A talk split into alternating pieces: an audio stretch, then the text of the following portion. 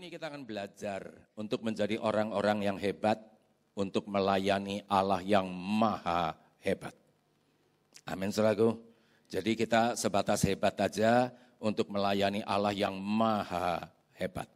Nah, untuk menjadi orang-orang yang seperti itu, itu dibutuhkan proses pembentukan. Tidak ada orang hebat tanpa proses pembentukan.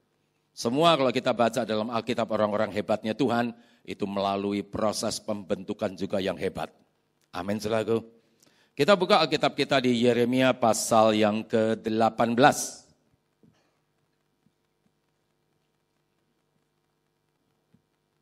Yeremia pasal yang ke-18.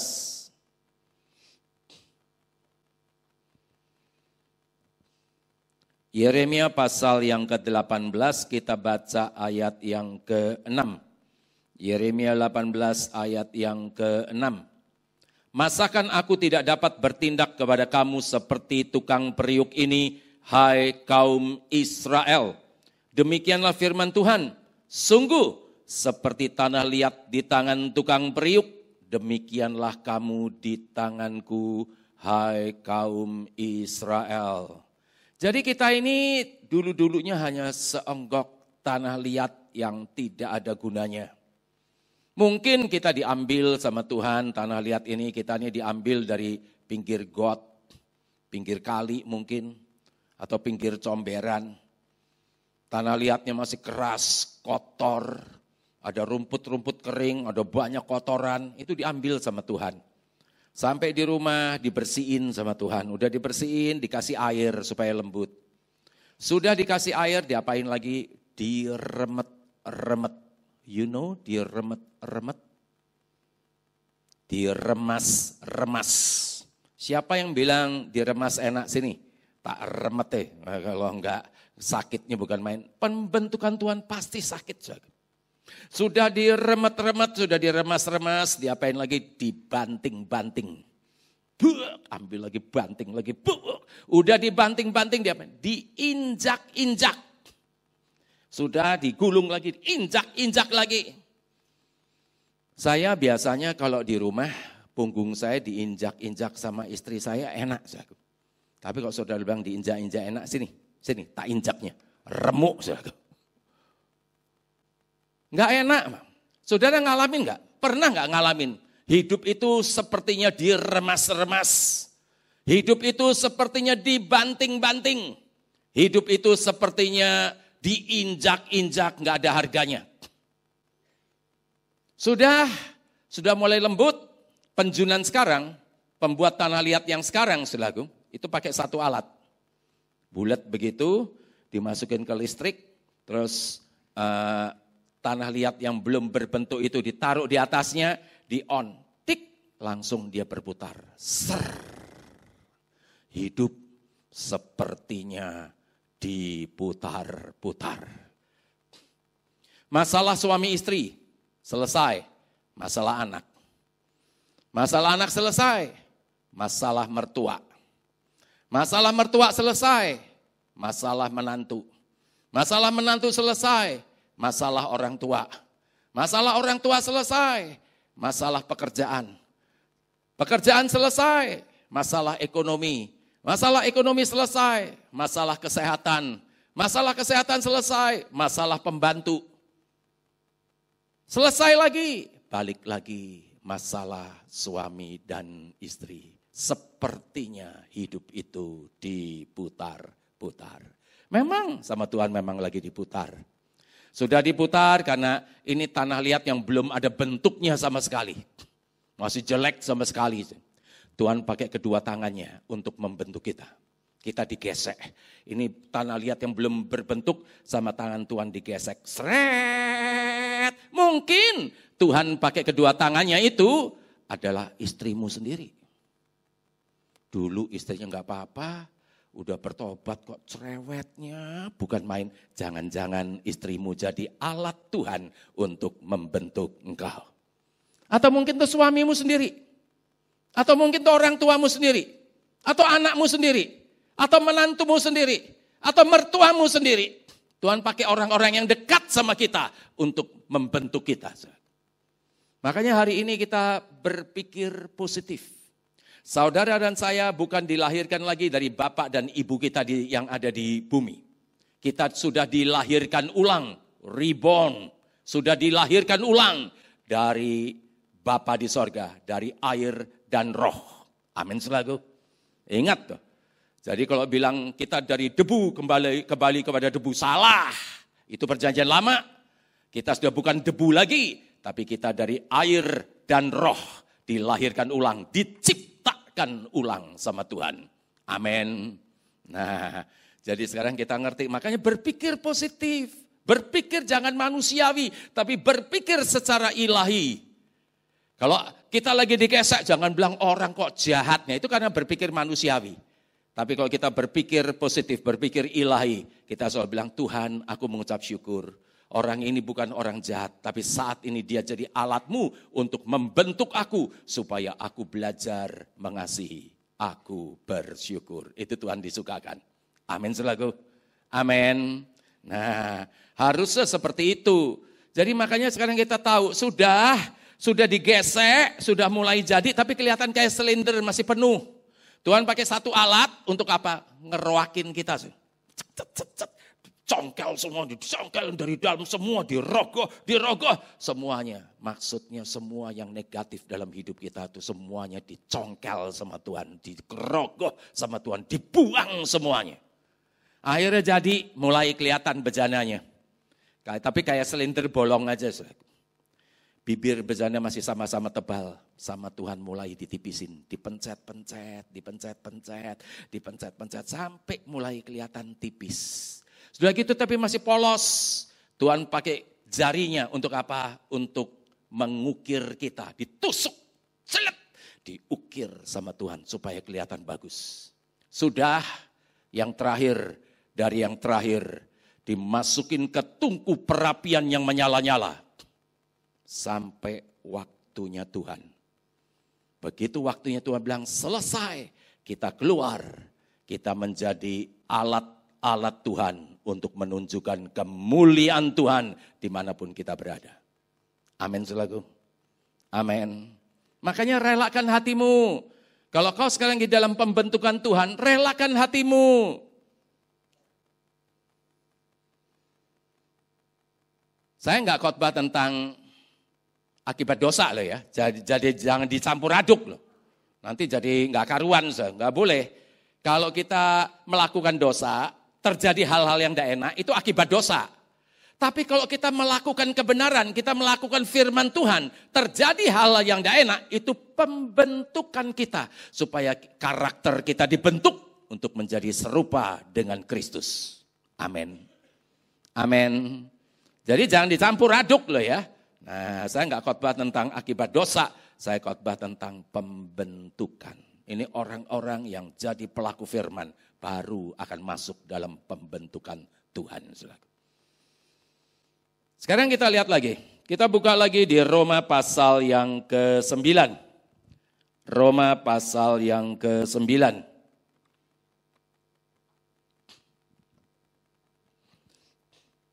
Roma pasal yang ke-9.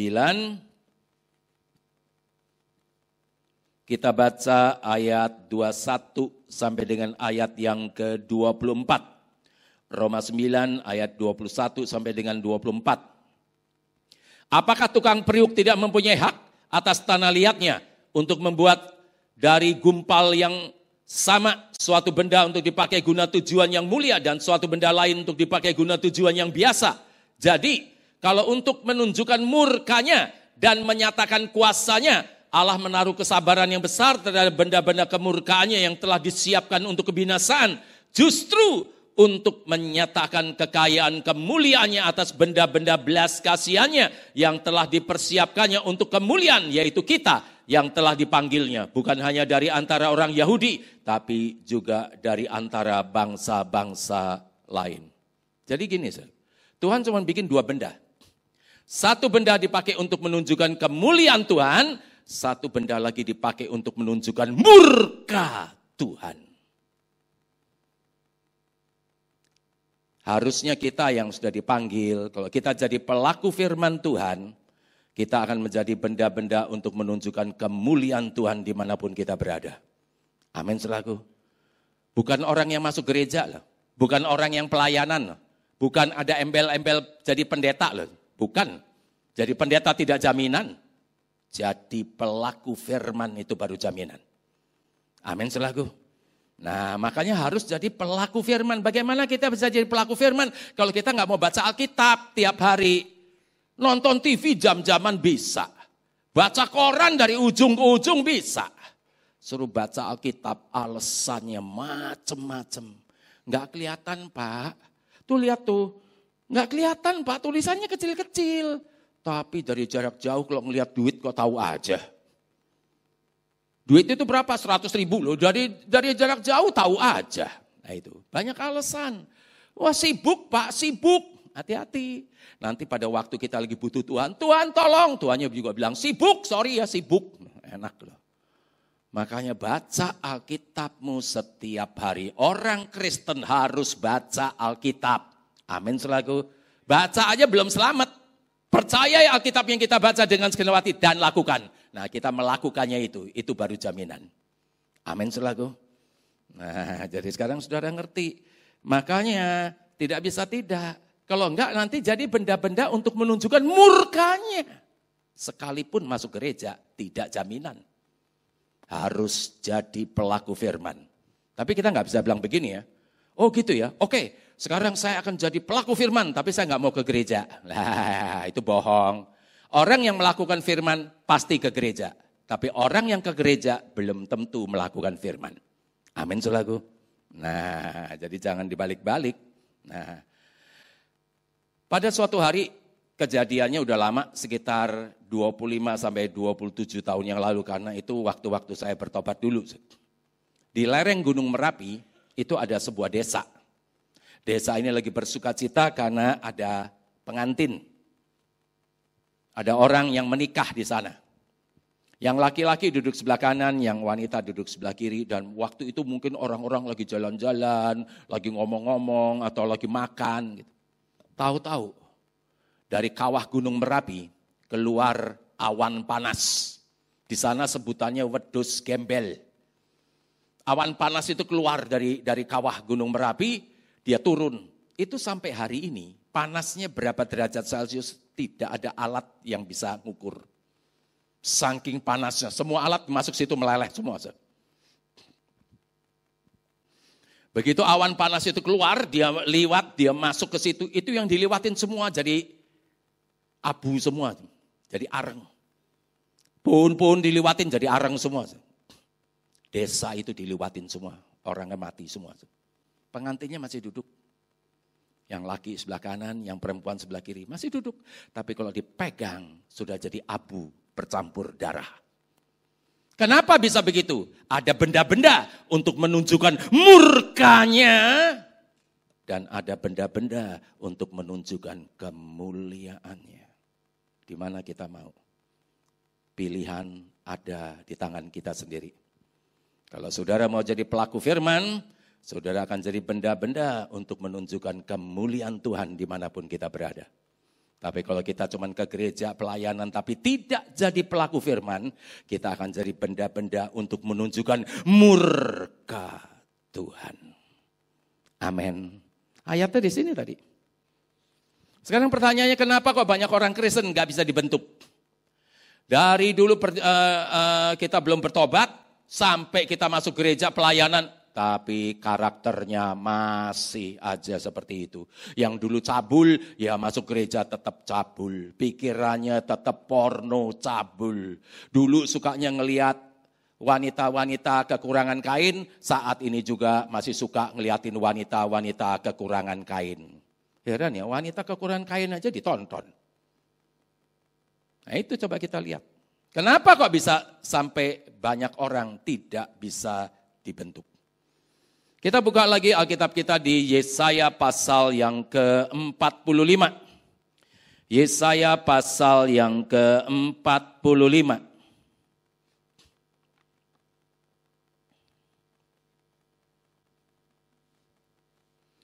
Yesaya pasal yang ke-45, kita baca ayat yang ke-9. Yesaya 45 ayat yang ke-9. Celakalah orang yang berbantah dengan pembentuknya. Dia tidak lain dari beling periuk saja. Adakah tanah liat berkata kepada pembentuknya, apakah yang kau buat? Atau yang telah dibuatnya engkau tidak punya tangan? Dikatakan celakalah orang yang berbantah dengan pembentuknya. Kalau kita lagi dalam pembentukan Tuhan, lagi diproses untuk punya karakter Kristus, jangan suka ngomel. Jangan suka bersungut-sungut. Orang yang suka bersungut-sungut tuh jelek. Persis kayak ikan lele, banyak sungut-sungutnya saudaraku. Jelek. Jangan suka nyala-nyalain Tuhan. Ingat, Tuhan tuh nggak mungkin salah. Dia tuh maha benar. Yang salah tuh kita semua. Manusia yang selalu salah. Tuhan nggak mungkin bisa salah. Dia tuh maha benar. Amin. Jangan suka nyala-nyalain Tuhan. Kenapa Tuhan? Aku sudah perpuluhan, aku sudah persembahan, aku sudah melayani. Tapi kenapa hal ini terjadi dalam hidupku? Di mana pembela di atas segala pembela itu? Celaka Allah orang yang berbantah dengan pembentuknya. Jangan suka nyala-nyalain orang lain juga. Tidak usah nyala-nyalain situasi dan kondisi. Percaya saja. Kalau kita jadi pelaku firman terjadi hal-hal yang tidak enak. Itu pun rencana Tuhan yang sangat indah. Di kemudian hari kita akan tahu. Bahwa apa yang Tuhan rencanakan itu di kemudian hari pasti akan menjadi kebaikan. Amin. Nah, makanya orang-orang yang harusnya harusnya bisa menerima apa adanya dari Tuhan, Tuhan mau kasih apa saja walaupun sekarang ini kelihatannya nggak baik, percaya di akhirnya itu pasti baik. Makanya harusnya gimana? Kita buka lagi di 1 Tesalonika pasal yang kelima. 1 Tesalonika pasal yang kelima.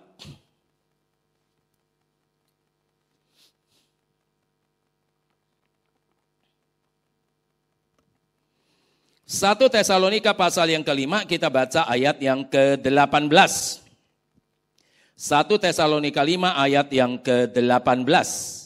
Mengucap syukurlah dalam segala hal sebab itulah yang dikehendaki Allah di dalam Kristus Yesus bagi kamu. Orang yang bisa mengucap syukur dalam segala hal itu adalah orang yang bisa menerima apa apa adanya yang Tuhan berikan saat ini untuk kita. Jadi mengucap syukur itu bukan kalau kita lagi dalam dalam keadaan baik, dalam keadaan sehat, dalam keadaan diberkati, maksudnya dalam keadaan untung. Tidak. Mengucap syukur itu dalam segala hal. Waktu rugi, waktu nggak enak badan, waktu ditipu, waktu apa saja, ucapkan syukur. Itu namanya kita bisa menerima apa adanya yang Tuhan berikan saat ini untuk kita. Amin selaku. Ada banyak pengucapan-pengucapan syukur yang keliru. Contoh, barusan dengar khotbah tentang pengucapan syukur bahwa di balik pengucapan syukur ada kuasa yang dahsyat. Terus kita mulai, oh gitu ya, oke saya mengucap syukur. Tuhan nggak lihat omongan kita. Dia lihat hati kita. Kenapa kita kok mengucap syukur? Itu yang dilihat sama Tuhan. Hatinya gimana? Motivasi hatinya itu gimana? Ternyata motivasi hatinya, saya mengucap syukur supaya Tuhan membereskan masalahku. Artinya kita sedang nyogok Tuhan dengan pengucapan syukur. Allah tetap tidak akan disukakan. Masalahnya malah ditambahi sama semakin banyak malahan. Jadi mengucap syukur itu harus dari hati yang tulus.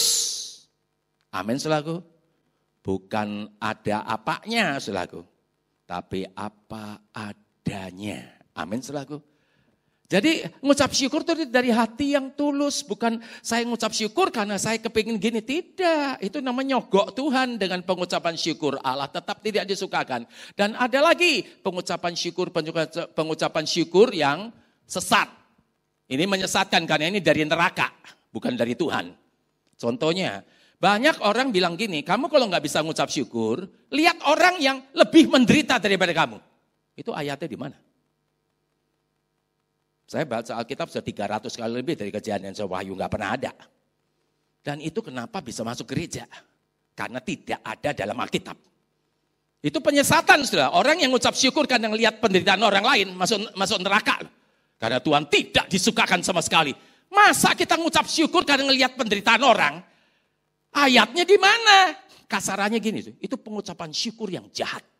Kasarannya gini, Tuhan aku mengucap syukur. Untung aku nggak jadi kayak dia. Jahat nggak tuh? Pengucapan syukur apa kayak gitu kok bisa masuk gereja? Kenapa kita mengucap syukur dalam segala hal? Karena Tuhan selalu memberi yang terbaik sekalipun di mata kita tidak baik. Amin. Amin. Saudara kenapa sih belum makan ya? Kok malah melotot gitu aja kenapa sih? Ditanyain dijawab gitu loh. Jadi kenapa kita mengucap syukur dalam segala hal? Karena Tuhan selalu memberi yang terbaik. Sekalipun di mata kita tidak baik. Kita mengucap syukur bukan melihat penderitaan orang, tapi melihat kebaikan Tuhan. Amin selaku. Jadi sekalipun di mata kita nggak baik, tapi itu adalah yang terbaik saat itu yang Tuhan bisa berikan kepada kita. Itu yang terbaik. Karena nanti hasil akhirnya pasti baik, nggak mungkin enggak. Amin selaku. Makanya mengucap syukur dalam segala karena Tuhan selalu memberi yang terbaik sekalipun di mata kita tidak baik. Nanti kita akan belajar. Kita akan belajar lagi nanti ke sana. Sekarang kita buka di 1 Petrus pasal yang pertama. 1 Petrus pasal yang pertama.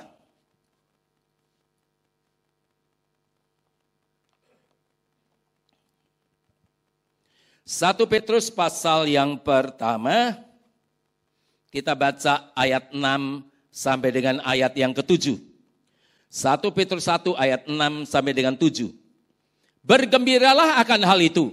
Sekalipun sekarang ini kamu seketika harus berduka cita oleh berbagai-bagai pencobaan. Maksud semuanya itu ialah untuk membuktikan kemurnian imanmu yang jauh lebih tinggi nilainya daripada emas yang fana yang diuji kemurniannya dengan api sehingga kamu memperoleh puji-pujian dan kemuliaan dan kehormatan pada hari Yesus Kristus menyatakan dirinya. Jadi ayat ini ngomong dikatakan bersukacitalah akan hal itu. Sekalipun sekarang ini kamu seketika harus berduka cita dengan berbagai-bagai pencobaan. Maksud semuanya itu ialah untuk membuktikan kemurnian imanmu. Amin. Jadi kemurnian iman kita mesti dibuktikan. Iman yang murni, kepercayaan kepada firman Allah.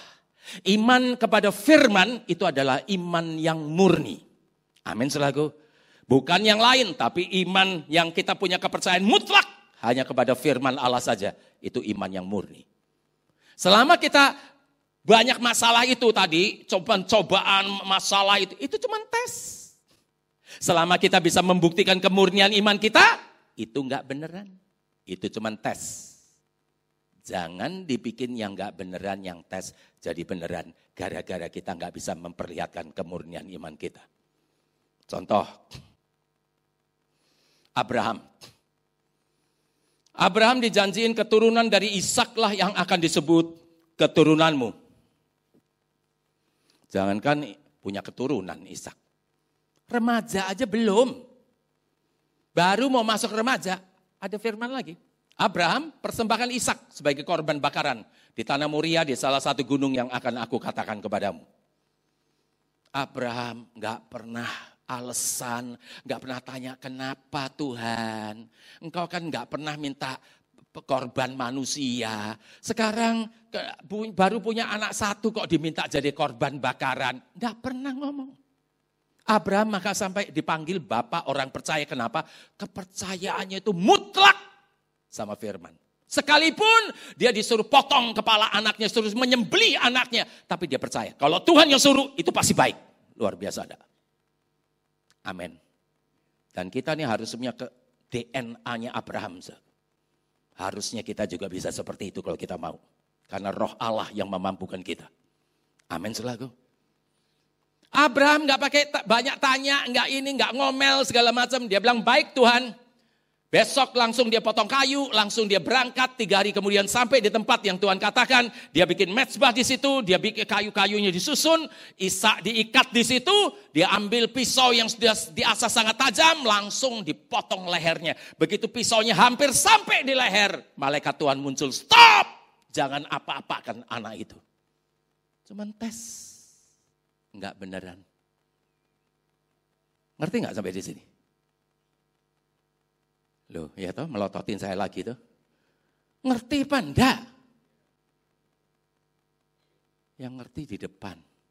Yang di belakang enggak ngerti ya. Ngerti enggak? Ngerti. Ngerti apa? Lihat tahu. Ini salah satu rahasia Tuhan yang dibuka loh hari ini. Saudara. Makanya diperhatikan. Saudara. Tes itu enggak beneran. Abraham bisa memperlihatkan kemurnian imannya. Dia percaya bahwa apa kata Tuhan itu pasti baik. Sekalipun dia harus menyembeli anaknya. Begitu lagi mau disembeli, Tuhan bilang stop. Allah tahu isi hatimu. Gak beneran. Tes itu gak beneran. Jangan dibikin yang tes yang gak beneran. Jadi beneran gara-gara kita tidak bisa menunjukkan kemurnian iman kita. Contoh lagi supaya sudah jelas. Ini Enggak terjadi ya, ini cuma umpama, tidak terjadi. Lagi Abraham dibilang, Abraham persembahkan Ishak sebagai korban bakaran. Terus Abraham mikir, Tuhan ngomongnya kok mencela-menceli. Katanya keturunan dari Ishak. Belum punya keturunan udah diminta jadi korban bakaran. Tuhan ini gimana sih? Ngomong kok enggak, enggak ini bisa kayak gini mencela-mencela. Anda, saya enggak mau kasih. Ini umpama loh, ini cuma enggak pernah terjadi. Abraham punya ruang di bawah tanah. Akhirnya Ishak bilang, Ishak kamu ngumpet dulu di ruang bawah tanah. Nanti sampai Tuhan berubah pikiran baru nanti keluar. Karena zaman dulu belum ada listrik. Di ruang bawah tanahnya itu uh, lembab. Ditinggalilah sama seekor ular beludak. Karena gelap nggak kelihatan, Ishak masuk, duduk, dudukin ular beludak, digigit, mati. Yang semestinya tes, jadi beneran. Tapi Abraham tidak seperti itu. Lagi bilang suruh potong, dipotong kepalanya lagi hampir sampai. Malaikat Tuhan muncul, stop. Jangan apa-apakan anak itu. Cuma tes. Enggak beneran. Amin. Ngerti enggak? Teman-teman tuh ngerti bener apa enggak? Saya kasih contoh lagi supaya sudah jelas. Ada sebuah pasar malam, ini nggak nggak terjadi ya, ini cuma umpama saja. Ada sebuah pasar malam. Ada satu kios untuk foto sama seekor singa. Singanya karena dipiara dari kecil, makanannya bergizi, terus tiap hari, setiap seminggu di, di apa dikeramasin dua kali. Jadi surainya juga jadi bagus karena dikeramasin terus disisirin terus jadinya bagus lah. Dan karena dia nggak pernah berantem sama binatang lain, jadi dia pertumbuhnya sangat bagus, badannya juga bagus, tingginya duduk aja tingginya segini. Wah anak-anak paling suka. Ada yang foto dari belakang, wah dipegang ke rambutnya singanya dipegang. Singanya singa nurut, karena dari kecil dipiaranya. Ada yang dari depan, terus ke, ke tangannya singa ditaruh sini dua-duanya. Ada yang dari sini anak-anak senang. Ada seorang bapak kepingin foto tapi takut. Si bapak datang tuh di situ, dia maju, mundur. Maju, mundur. Si orang yang punya singa tuh loh, Pak, Bapak kenapa? Bapak mau foto sama singa ya? Iya. Sini, enggak apa-apa. Ini singa nurut. Bapak itu nggak mau percaya sama kata-kata orang yang punya singa ini. Iya nurut-nurut tapi kan singa. Singanya gede lagi. Nanti kalau saya diterkam, Nah, bilang, sini nggak apa-apa, coba lihat nih pak. Dibukain, kukunya udah nggak ada. Ini singa dari kecil kukunya dicabutin. Nih lihat nih, dibuka mulutnya. Eh ompong, ini singa ompong. Giginya dari kecil udah diambilin, gigi taring semuanya udah diambilin semua. Ini udah udah nggak punya gigi pak. Bapak digigit sama singa, ini kayak dipijitin. Tapi dia tetap nggak mau percaya sama omongan orang yang punya singa ini. Dia bilang, ya ompong-ompong, tapi kan tetap singa.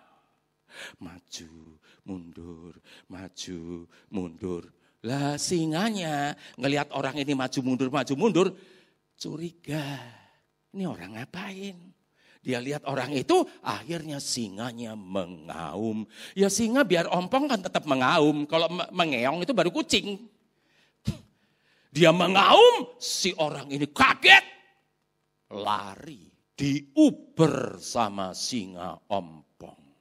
Karena dia ketakutan, dia belasah sini, belasah situ, belasah sini, masa ada satu lorong yang nggak pernah kepake, dia liwat ke situ, ternyata ada sumur yang udah nggak pernah kepake, ketutup sama daun-daun kering, kejeblos, mati. Matinya bukan karena singanya, tapi karena ketakutan dan kekhawatiran kita itu itu yang membunuh saja. Karena nggak bisa membuktikan, nggak mau percaya sama orang yang yang ngomongin yang punya singa itu. Itu jadi kayak gitu. Ngerti nggak sampai di sini? Udah tambah banyak ya, tapi masih belum yang di belakang-belakang itu masih belum ngomong. Saya kasih contoh lagi yang benar-benar terjadi. Di Semarang, kejadiannya udah lama. Saya juga dengar kesaksian soal. Ada seorang ibu, ini ibu ini luar biasa. Suaminya sakit, akhirnya lumpuh. Jadi si suami tidak bisa kerja. Si istri ini bekerja luar biasa untuk membayari kehidupan sehari-hari sama membayari anaknya. Empat anaknya, semuanya jadi sarjana semua. Karena ibu ini bekerja luar biasa.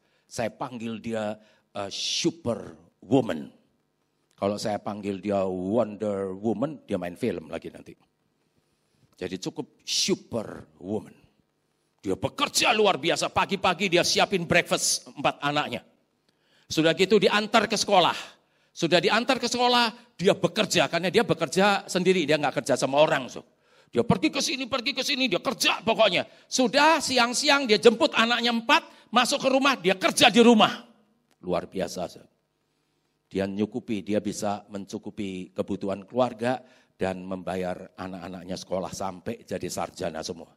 Nah, Waktu dia lagi mulai dia bekerja lagi anak-anaknya masih sekolah, itu tuh dia menderita sesuatu, pokoknya sakit. Ada sesuatu gitu loh. Tapi kalau ditanyain, kamu tuh sakit apa? Nggak tahu. Sampai bilang dia check up. Check up aja. Akhirnya dia check up selaku. Check up ternyata harga check upnya itu biayanya jutaan untuk check up itu. Dia nggak jadi. Ah, daripada buat check up segitu berapa juta, mendingan dibuat kehidupan sehari-hari sama bayar uang sekolah. Jadi dia nggak mau check up, dia jalan terus, dia bekerja luar biasa terus sama penyakit itu yang dia nggak tahu penyakit sakit apa. Dia cuma tahu ada sesuatu dalam tubuhnya, tapi apa nggak tahu. Ya udah, dia jalannya terus sekitar 13 atau sampai 15 tahun lah, saya lupa tepatnya. 13 sampai 15 tahun kemudian. Tahu-tahu dia ketemu sama seorang teman baiknya lagi di SMA. Teman baiknya udah jadi orang kaya. Lagi ketemu loh, kamu kan si Anu toh. Si, loh kamu kan si ini loh. Wah, terus ngomong-ngomong-ngomong-ngomong bisa tentang penyakit. Dia bilang, dia juga ada sesuatu. Cuman kalau ditanya sakit apa dia nggak tahu. Tapi ada sesuatu gitu loh. Temannya bilang ya check up, mahal. Lebih baik buat bayar uang sekolah sama bayar uh, kehidupan sehari-hari. Temannya bilang, sekarang kamu tak antar, yuk ikut aku. Naik mobilku, kita pergi ke rumah sakit yang terbaik, kita cari dokter yang terbaik, kita check up di sana. Betul, check up ternyata hasilnya kanker ganas. 13 sampai 15 tahun dia hidup dengan si kanker ganas.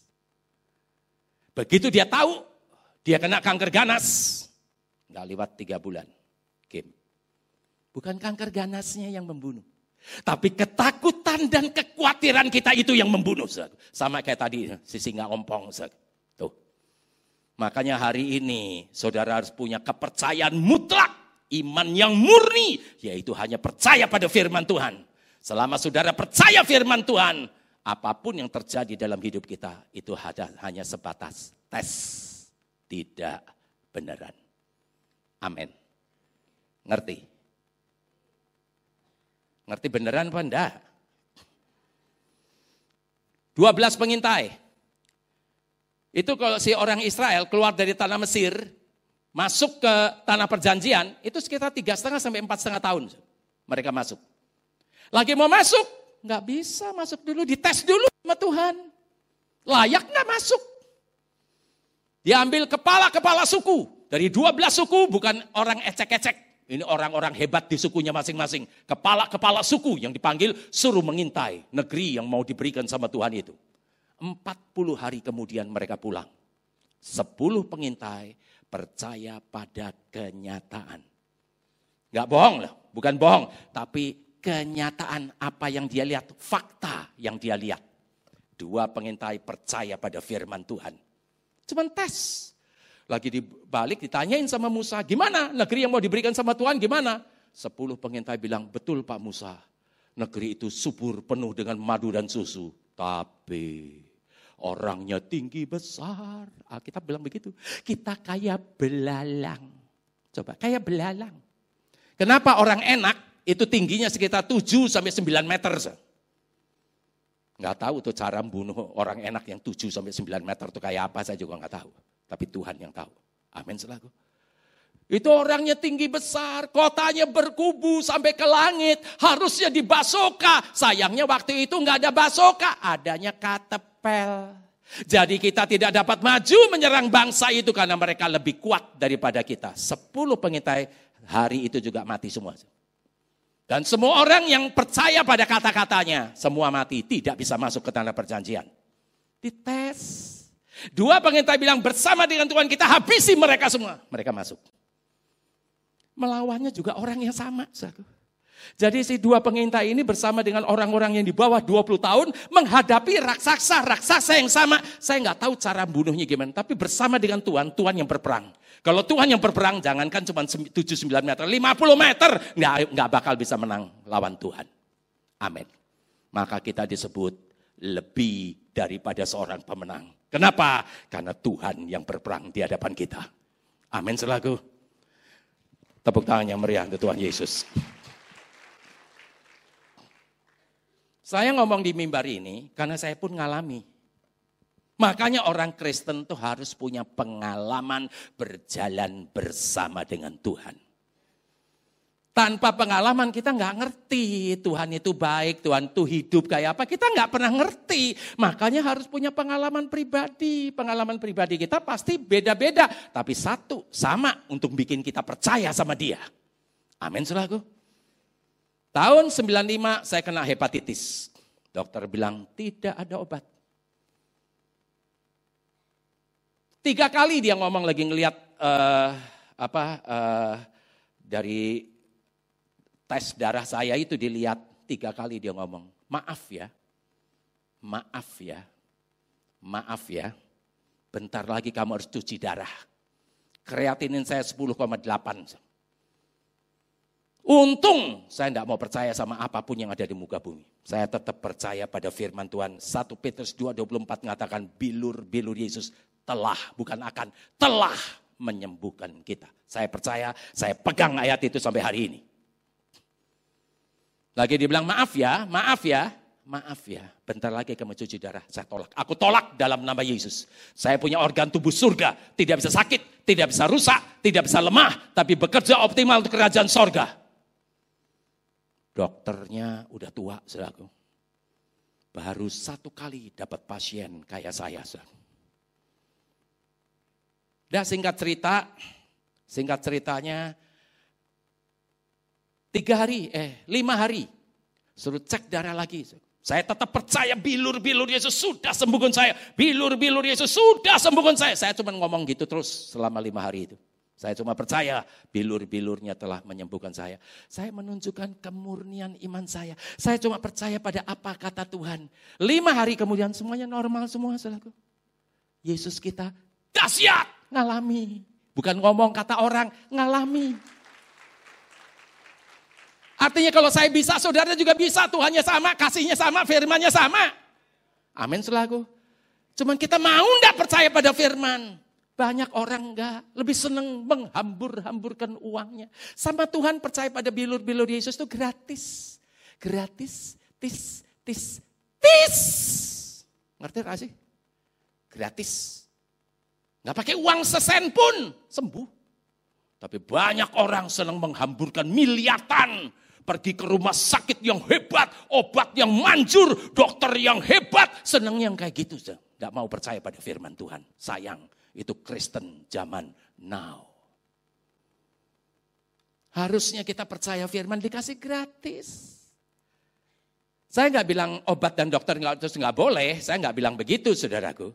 Obat dan dokter pun dari Tuhan, tapi untuk iman dek-dekan.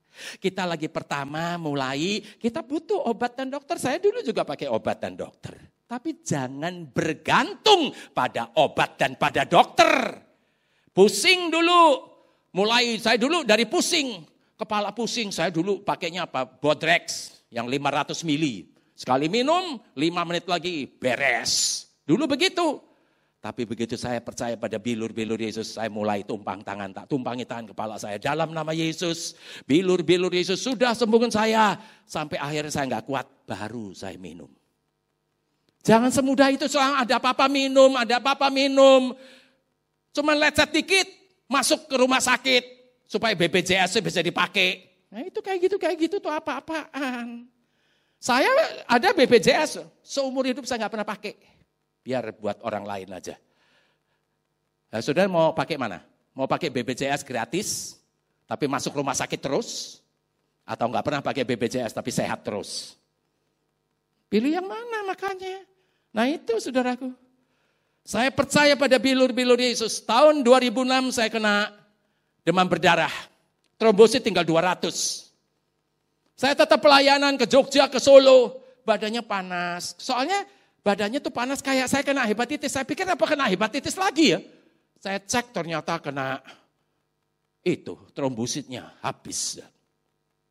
Demam berdarah. Saya tetap percaya pada bilur-bilur Yesus. Satu bulan kemudian saya cek darah lagi. Sudah 360 ribu. Coba, luar biasa gak? Bilur-bilur Tuhan Yesus dari dulu menyembuhkan, sekarang pun menyembuhkan, sampai kapan pun dia tetap menyembuhkan semua sakit penyakit. Amin selaku. Apa pun sakit penyakitnya, obat dan dokter terbatas. Hari ini masih ada penyakit-penyakit yang tidak bisa disembuhkan oleh obat dan dokter. Tapi bilur-bilur Yesus menyembuhkan semua sakit penyakit. Luar biasa ada. Amin selaku. Tahun 2011 saya kena serangan jantung. Saya pernah ngalamin yang namanya hidup dan mati dibatasi seutas rambut. Baru pulang dari Betani Kediri. Saya baru pulang tidur, bangun kira-kira jam sekitar jam setengah tujuh atau jam tujuh saya bangun serangan jantung. Ceduk, ngak ngak. Terus ini pandangan jadi aneh semua. Ini kepala ini kayaknya kayak ketarik, kayak kesedot. Otaknya tuh kayak ada yang nyedot. Nyut, nyut gitu. Itu bahasa Indonesianya nggak ada. Kalau sudah mau tahu, tak doain dulu biar serangan jantung, mau nggak? Itu kalau saya didorokin dari belakang langsung jatuh, lemesnya udah bukan main. Ini dada sebelah kiri kayak ada batu besar yang nindih. Terus kayak ada jarum sakit di dalam. Saya nggak nggak makan babi, maksudnya ya makan dikit gitu toh, nggak tiap hari makan babi, makan kambing gitu, enggak tapi kena. Itu jalan kehidupan yang harus kita jalani. Amin selalu. Nah, lagi dia nyut, udah hampir hilang nih, hampir pingsan. Saya ingat tidak bisa. Firman Tuhan ngomong segala sakit, penyakit dan kelemahan-kelemahan saya sudah ditanggung oleh Tuhan Yesus di kayu salib. Dan kuasa bilur-bilur Yesus sudah sembuhkan saya. Saya bilang tidak, bilur-bilur Yesus sudah sembuhkan saya. Si iblis ngomong, itu kayak pikiran. Hati-hati loh pikiran-pikiran tuh. Bukan dari kita loh, itu masukan si iblis. Iblis ini ngomong apa? Kamu kalau nggak hari ini masuk ICU, kamu bakal mati. Kamu kena serangan jantung, cepat kamu pergi ke ICU. Si iblis ngomong begitu. Saya bukain Alkitab saya. Saya buka 1 Petrus 24 yang mengatakan bilur-bilurnya telah menyembuhkan kita. Saya kasih lihat, sini iblis. Lihat, lu punya mata nggak? Lihat nih, buta apa enggak lu? Lihat nih, apa yang ditulis? Bilur-bilur Yesus sudah sembuhkan saya minggat kamu setan. Saya bilang begitu. Sudah, nggak kejadian apa-apa. Itu hari Senin. Saya tetap melakukan hal seperti biasa, nggak tiduran. Iman tanpa perbuatan adalah iman yang mati. Iman harus disertai dengan perbuatan. Amin selalu. Saya tetap melakukan hal seperti biasa. Hari Kamis Serangan jantung kedua. Serangan jantung kedua. Hari Rebu, sorry, hari Rebu. Hari Kamis saya pergi ke Bandung. Di GBI Bandung saya saya saya khotbah di sana. Saya nggak pernah batalin pelayanan. Dalam keadaan serangan jantung pun saya tetap melayani Tuhan. Hanya bos di atas yang boleh membatalkan. Ada banyak hamba Tuhan nggak punya hati seorang hamba. Main batalin-batalin itu itu udah udah bos itu. Kalau hati seorang hamba tidak akan pernah batalin. Kecuali bos di atas yang suruh batalin. Amin selaku. Hari Rebu serangan jantung kedua. Sedangkan yang di Bandung salah satunya itu e, gembalanya adalah seorang dokter. Dokter itu bilang serangan jantung pertama itu jantung kasih tahu kita ada trouble. Cepet-cepet mesti masuk di ICU, dikasih ini, dikasih itu supaya nanti kalau ada serangan kedua, ketiga nggak berat. Tapi kalau nggak diapa-apain, serangan kedua cukup untuk one way ticket. You know one way ticket? Tiket ke sorga cuma satu aja perjalanan. Nggak bisa balik lagi tapi. Itu one way ticket. Game artinya. Saya tetap, itu lagi di tukang cukur rambut, saya lagi potong rambut. Lagi potong rambut, serangan kedua. Ceduk, ngak, ngak gitu lagi, nyut lagi. Saya bilang, tidak, bilur-bilur Yesus sudah sembuhin saya. Waktu saya ngomong gitu yang pertama hari Senin, saya di kamar. Sekarang di tukang potong rambut. Si tukang potong rambut lagi motong orang. Saya lagi bilang, tidak, bilur-bilur Yesus sudah sembuh. Kaget, apa? Apa? Bilur-bilur, masa bodoh. Pokoknya saya mendeklarasikan bahwa saya itu sudah sembuh. Bilur-bilur Yesus sudah sembuhkan saya. Saya bilang begitu. Sudah. Ada kejadian apa-apa. Tambah lemes. Hari Kamis saya berangkat. Dulu belum ada flight antara Semarang Bandung. Sekarang sudah ada. Dulu nggak ada. Jadi saya mesti flight dulu ke Jakarta, dari Jakarta naik bus ke Bandung. Naik tangga pesawat, saking lemesnya, kakinya nggak bisa naikin badan. Baru pertama kali saya seperti itu. Naik tangga, nggak mau naik. Mau naik nih nggak kuat nih kaki mau naikin badan saking lemesnya. Belakang saya, ayo pak, ayo pak, ayo pak, ayo pak, mau naik nggak bisa, ayo pak, ayo pak. Saya bantu pakai tangan, saya tarik satu, naik lagi satu, sampai di atas kayak orang main sepak bola. Jantung jeduk, jeduk, jeduk. I don't care about it. Saya tahu kepada siapa saya percaya. Sampai di atas, saya masih ingat waktu itu belum dirubah eh, nomor. Kalau sekarang udah nomornya gede-gede. Dulu masih nomor lima. Nomor lima itu paling depan, ekonomi paling depan. Sesudah itu uh, apa uh, bisnis kelas. Saya duduk di nomor lima, lima C, saya masih ingat. Jadi duduk di pinggir. Begitu saya duduk, saya tumpangi tangan dalam nama Yesus. Kuasa bilur-bilur Yesus sudah, sudah sembuhkan saya. Kuasa bilur-bilur Tuhan Yesus sudah sembuhkan saya. Kuasa bilur-bilur Tuhan Yesus sudah sembuhkan saya. Sebutin terus. Dia mereda. Mereda, mereda. Turun, no problem. Naik bus. Hari Kamis itu saya pelayanan satu kali. Jumat saya pelayanan dua kali. Hari Sabtu saya pelayanan satu kali. Hari Minggu saya pelayanan empat kali. Empat kali semestinya no problem, saudaraku. Enam kali no problem. Pernah tujuh kali di Jakarta, no problem. Tapi ini lagi kena serangan jantung. Udah gitu gerejanya waktu itu naik tangga lagi. Aduh, mestinya itu sudah suatu siksaan buat saya. Tapi saya tetap melayani. Sudah selesai, uh, hari Senin pagi jam 5 saya berangkat naik bus pergi ke Jakarta. Di Jakarta saya nunggu dua jam, flight lagi ke Semarang. Itu hari Senin. Hari Selasa, itu sampai hari ini. Itu olahraga saya, main badminton. Orang lain main badminton, serangan jantung. Saya serangan jantung, main badminton, sembuh total sampai hari ini. Yesus kita dahsyat. Amin selaku ngalami. Saya ngomong di mimbar ini karena saya ngalami. Artinya kalau saya bisa, saudara juga bisa. Tuhannya sama, kasihnya sama, firmannya sama kok. Kemauan kita yang berbeda. Kita lebih suka yang duniawi, lebih suka TV, lebih suka koran daripada suka firman Tuhan. Coba saudara mulai sangkal dirimu. Mulai hidup di dalam roh. Mulai baca Alkitab. Mulai terusin baca Alkitab. Nanti kejadiannya juga sama. Amin selaku. Ternyata yang saya kena uh, hepatitis, kena uh, demam berdarah, kena serangan jantung. Itu enggak beneran. Itu sebatas tes. Selama saya menunjukkan kemurnian iman saya, itu enggak beneran. Jangan dibikin jadi beneran gara-gara kita tidak mau percaya firman Tuhan. Kayak sepuluh pengintai. Tidak percaya firman, percayanya mah fakta, kenyataan yang dipercayai. Berapa banyak orang Kristen sekarang mati kena penyakit? Berapa banyak, saudara? Karena pada waktu lagi mereka di, men, harus menunjukkan kemurnian imannya, mereka nggak bisa. Yang tes jadi beneran. Itu jadinya kayak gitu. Sekarang saya kasih contoh Salah satu tokoh sebelum perjanjian lama bernama Yusuf. Yusuf pun mau jadi raja, dia nggak langsung jadi raja, tapi melalui proses pembentukan. Kita buka Alkitab kita lagi di Mazmur 105. Mazmur 105.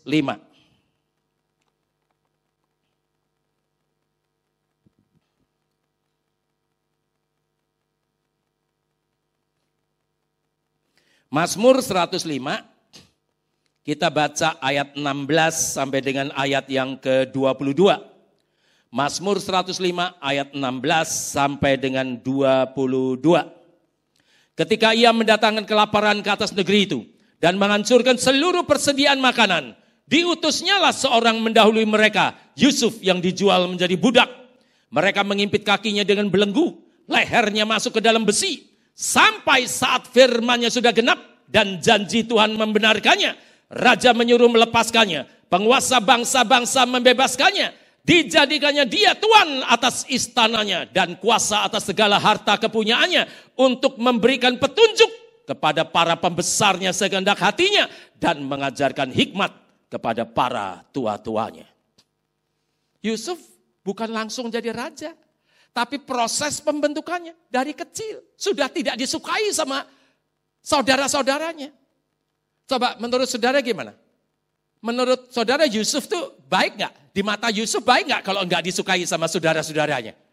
Nggak baik saudaraku di mata Yusuf. Dia dimusuh sama seluruh saudaranya. Di mata Yusuf nggak baik. Tapi itu adalah yang terbaik yang Tuhan bisa berikan kepada Yusuf saat itu adalah dimusuh seluruh saudara-saudaranya. Makanya tadi kenapa kita mengucap syukur dalam segala hal? Karena Tuhan selalu memberi yang terbaik sekalipun di mata kita tidak baik. Amin selaku. Jadi ngucap syukur bukan lihat penderitaan orang, tapi ngelihat kebaikan Tuhan. Mungkin saat itu belum kelihatan kebaikan Tuhan, tapi itu pasti baik. Di musuh seluruh saudaranya baik gak? Gak baik. Tapi itu yang terbaik yang Tuhan bisa berikan kepada Yusuf saat itu adalah di musuh. Makanya mengucap syukurlah dalam segala hal. Sudah dimusuh, akhirnya apa? Mau dibunuh. Tapi rencana Tuhan bukan untuk dibunuh. Dijual jadi budak. Anak orang kaya dijual jadi budak. Baik nggak di mata Yusuf? Anak orang kaya jadi budak. Baik nggak? Nggak baik. Tapi itu adalah yang terbaik yang Tuhan bisa berikan kepada Yusuf saat itu adalah jadi budak. Nggak jadi budak, nggak jadi raja dia. Jadi makanya kenapa kita mengucap syukur dalam segala hal? Karena Tuhan selalu memberi yang terbaik sekalipun di mata kita tidak baik. Amin. Sudah jadi budak, dia sungguh-sungguh. Sampai tuannya percaya sama dia. Sampai pada suatu hari istri tuannya ngajak selingkuh. Diajak selingkuh, dia hidup dalam kekudusan. Dia jadi pelaku firman Tuhan. Sudah tahu upahnya apa? Masuk penjara. Ngelakuin firman, masuk penjara. Coba saudara jadi Yusuf saat itu. Bisa ngomong Tuhan itu adil. Banyak kalah kan kita tuh percaya fakta. Kita nggak mau percaya pada firman. Itu belum, itu masih koma, belum titik. Itu belum belum berakhir, saudaraku. Jangan dianggap itu berakhir. Itu masih koma. Tapi kita pikir udah berakhir nyalain Tuhan segala macam. Celakalah orang yang berbantah dengan pembentuknya. Tuh. Sudah masuk penjara, mungkin lama Gak ditulis, Alkitab nggak tulis berapa lama dia di penjara, nggak ada. Sampai ada juru minuman dan juru roti. Lagi dia berbuat kebenaran, dia berbuat, dia membuat berbuat firman Tuhan, dia masuk penjara. Di mata Yusuf baik nggak? Nggak baik. Tapi itu adalah yang terbaik yang Tuhan bisa berikan kepada Yusuf saat itu adalah masuk penjara. Udah gitu ada juru minuman dan juru roti. Mereka mimpi. Akhirnya ditafsirkan. Juru roti ditafsirkan dalam tiga hari kamu akan digantung. Juru minuman ditafsirkan dalam tiga hari kamu akan dikembalikan ke, ke kedudukanmu semula. Terus dia bilang, nanti kalau itu terjadi, ngomong sama Firaun, ada orang seperti aku di penjara, dilupain lagi dua tahun. Itu ditulis dalam Alkitab. Dilupain lagi dua tahun. Dilupain dua tahun tuh baik gak di mata Yusuf? Gak baik. Tapi itu adalah yang terbaik yang Tuhan bisa berikan kepada Yusuf saat itu adalah dilupain lagi dua tahun. Dua tahun kemudian, waktunya Tuhan tiba, keluar dia dari api yang menyala-nyala tadi. Firaun mimpi, yang juru tenung, juru sihirnya tidak bisa ngasih tahu mimpinya apa.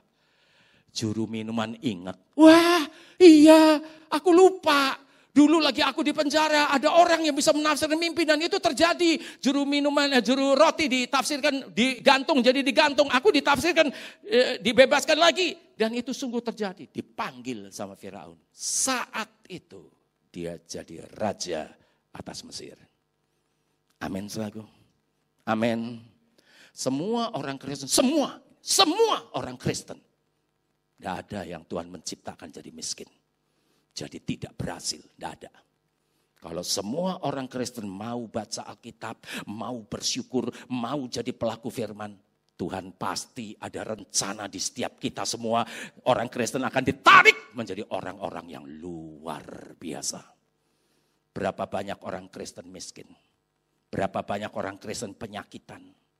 Karena mereka tidak bisa menunjukkan kemurnian imannya. Yang tes jadi beneran. Kita lihat Yusuf.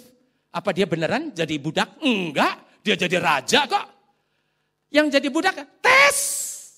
Dan dia percaya pada firman Tuhan. Dia nggak pernah ngomel.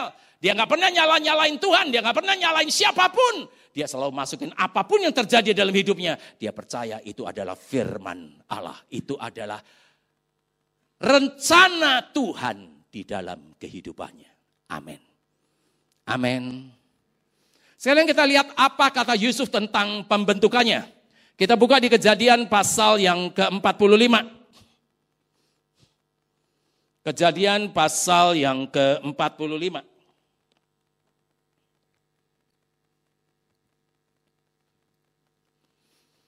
Kejadian pasal yang ke-45 kita baca ayat 4 sampai dengan ayat yang ke-8.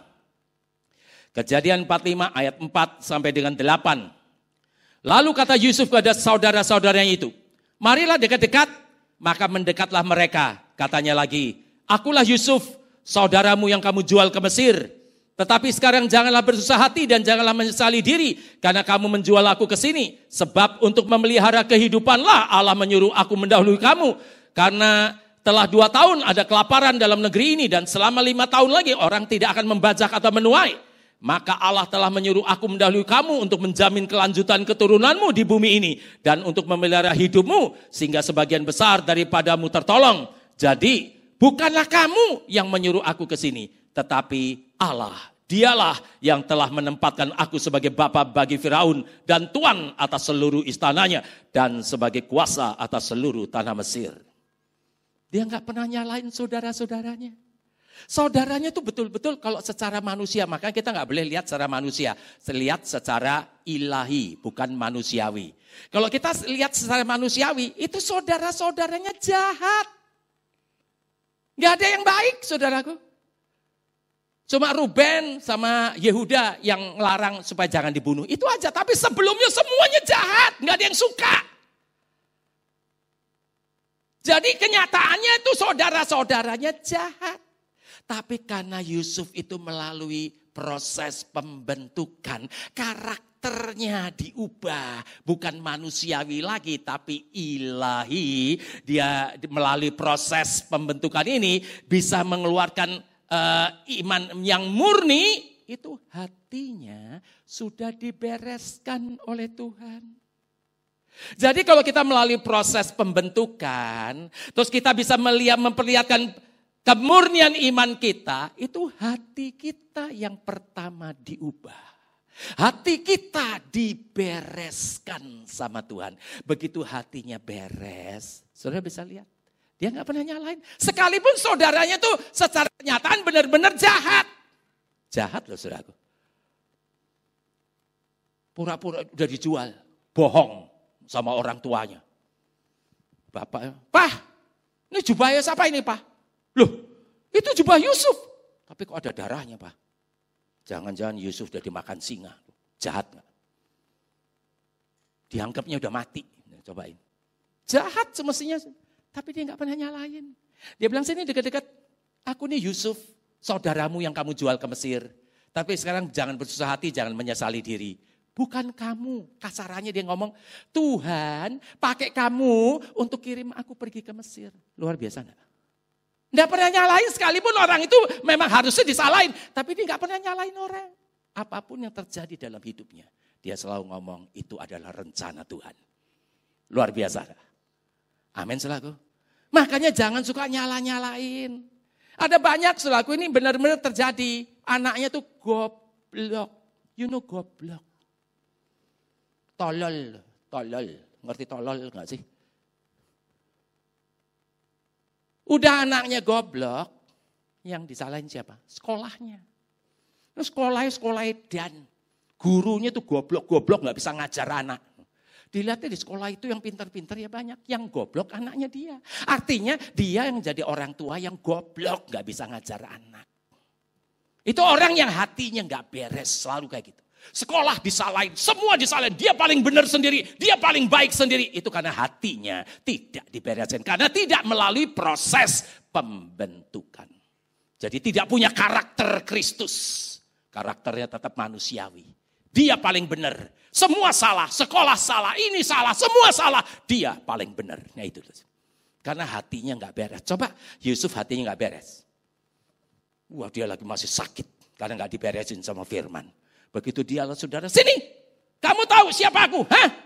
Aku ini Yusuf yang kamu jual ke Mesir. Sekarang aku nggak mau lihat mukamu lagi, minggat kamu. Digituin mungkin. Mati sana sekalian. Itu karena hatinya nggak beres. Tapi Yusuf karena melalui proses pembentukan, dia bisa mengeluarkan iman yang murni, maka hatinya tuh sudah dibereskan. Maka dia bilang, sini loh deket-deket, aku nih Yusuf yang kamu jual ke Mesir. Sekarang enggak usah bersusah hati, enggak usah menyesali diri. Bukan kamu yang kirim aku ke Mesir, Tuhan pakai kamu untuk kirim aku pergi ke Mesir. Itu orang yang hatinya beres. Amin. Sampai pada suatu saat bapaknya mati. Yakub, bapaknya Yusuf dan saudara-saudaranya itu mati. Begitu bapaknya mati, saudaranya ketakutan semua tuh. Orang kalau melakukan dosa pasti berakibat takut dan khawatir. Takut dan khawatir itu karena dosa. Adam dan Hawa sebelum jatuh dalam dosa tidak ada takut dan khawatir. Tidak ada telanjang pun tidak ada rasa malu segala macam. Tapi begitu dia berbuat dosa, takut dan khawatir itu mulai timbul. Lagi bapaknya mati, semua pada ketakutan. Kita lihat apa kata Yusuf. Kita buka lagi di kejadian pasal yang ke-50. Kejadian pasal yang ke-50.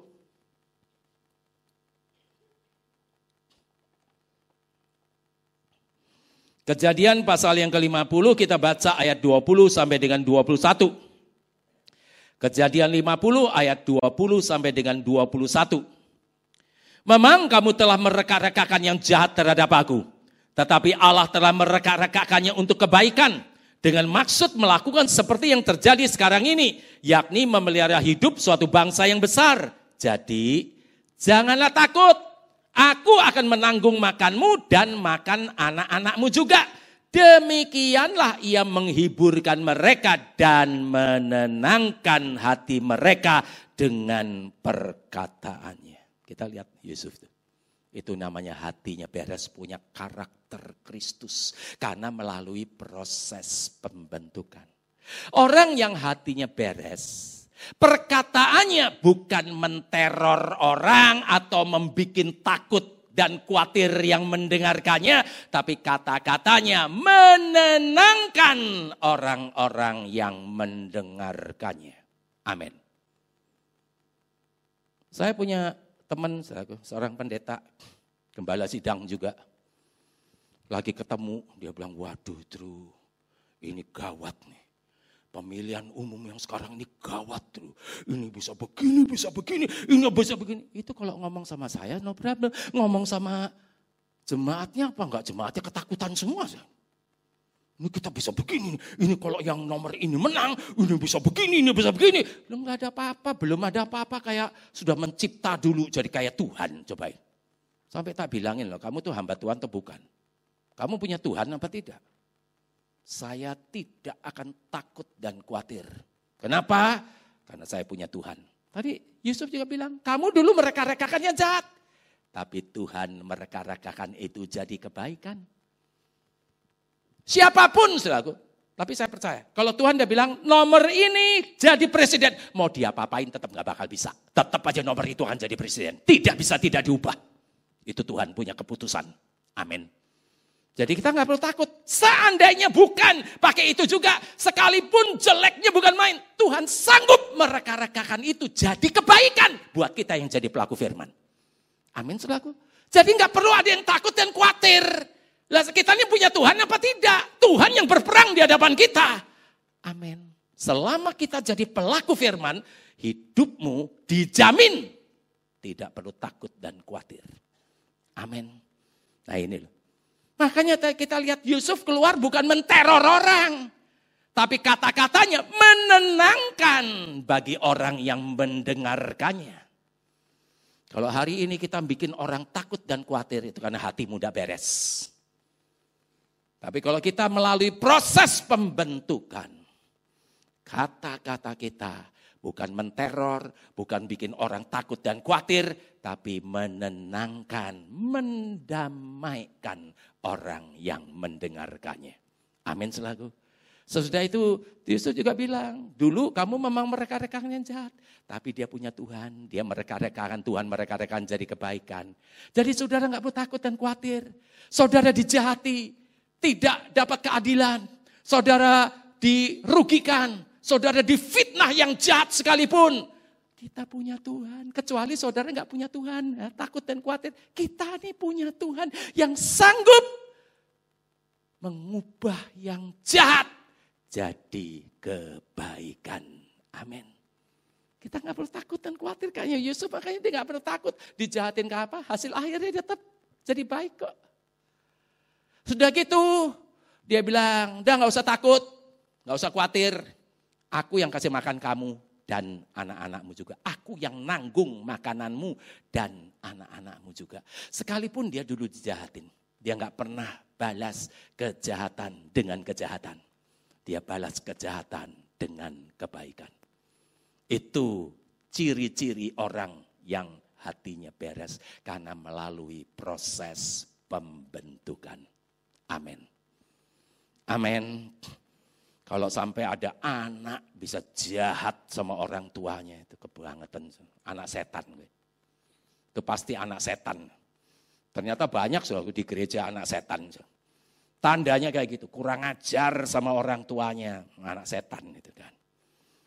Kita lihat kayak Yusuf sama saudara yang jahat sekalipun, dia balas dengan kebaikan.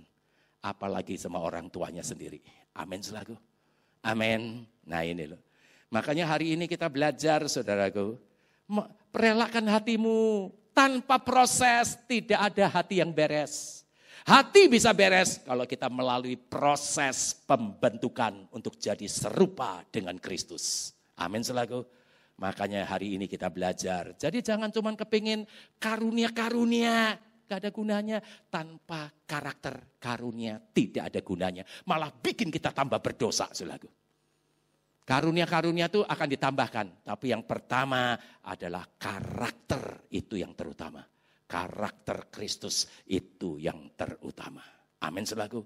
Jangan ngimani mobil, ngimani rumah. Tidak perlu. Tuhan tahu apa yang dibutuhkan pasti dikasih. Kita cuma apa? Cari kerajaan Allah lebih dulu. Imani karakter Kristus. Saudara dapat semua janji Tuhan. Amin selaku. Nah itu loh. Yang diimani itu karakter Kristusnya. Jangan yang halal duniawi. Tapi suruh cari kerajaan Allah bukan kerajaan dunia kok. Amin selaku. Makanya hari ini mulai banyak baca Alkitab. Saya nggak bilang saudara nggak boleh nonton TV, tapi kurangi TV-mu. Mulai baca Alkitabnya ditambah. Kalau saudara nonton TV dua jam, masa baca Alkitab satu jam nggak bisa. Jangan alasan lagi kayak tadi, kecil-kecil nggak kelihatan, lihat duit dari jarak jauh tahu aja. Nah itu nggak boleh itu alasan-alasan lagi. Kalau kita mau, roh Allah akan memampukan kita. Artinya kita pasti bisa karena dimampukan sama roh kudus. Amin selalu. Yang terakhir, begitu kita keluar dari jadi alat-alat Tuhan untuk menunjukkan kemuliaan Tuhan, ada upahnya. Kita buka di ulangan pasal yang ke-33. Ulangan pasal yang ke-33.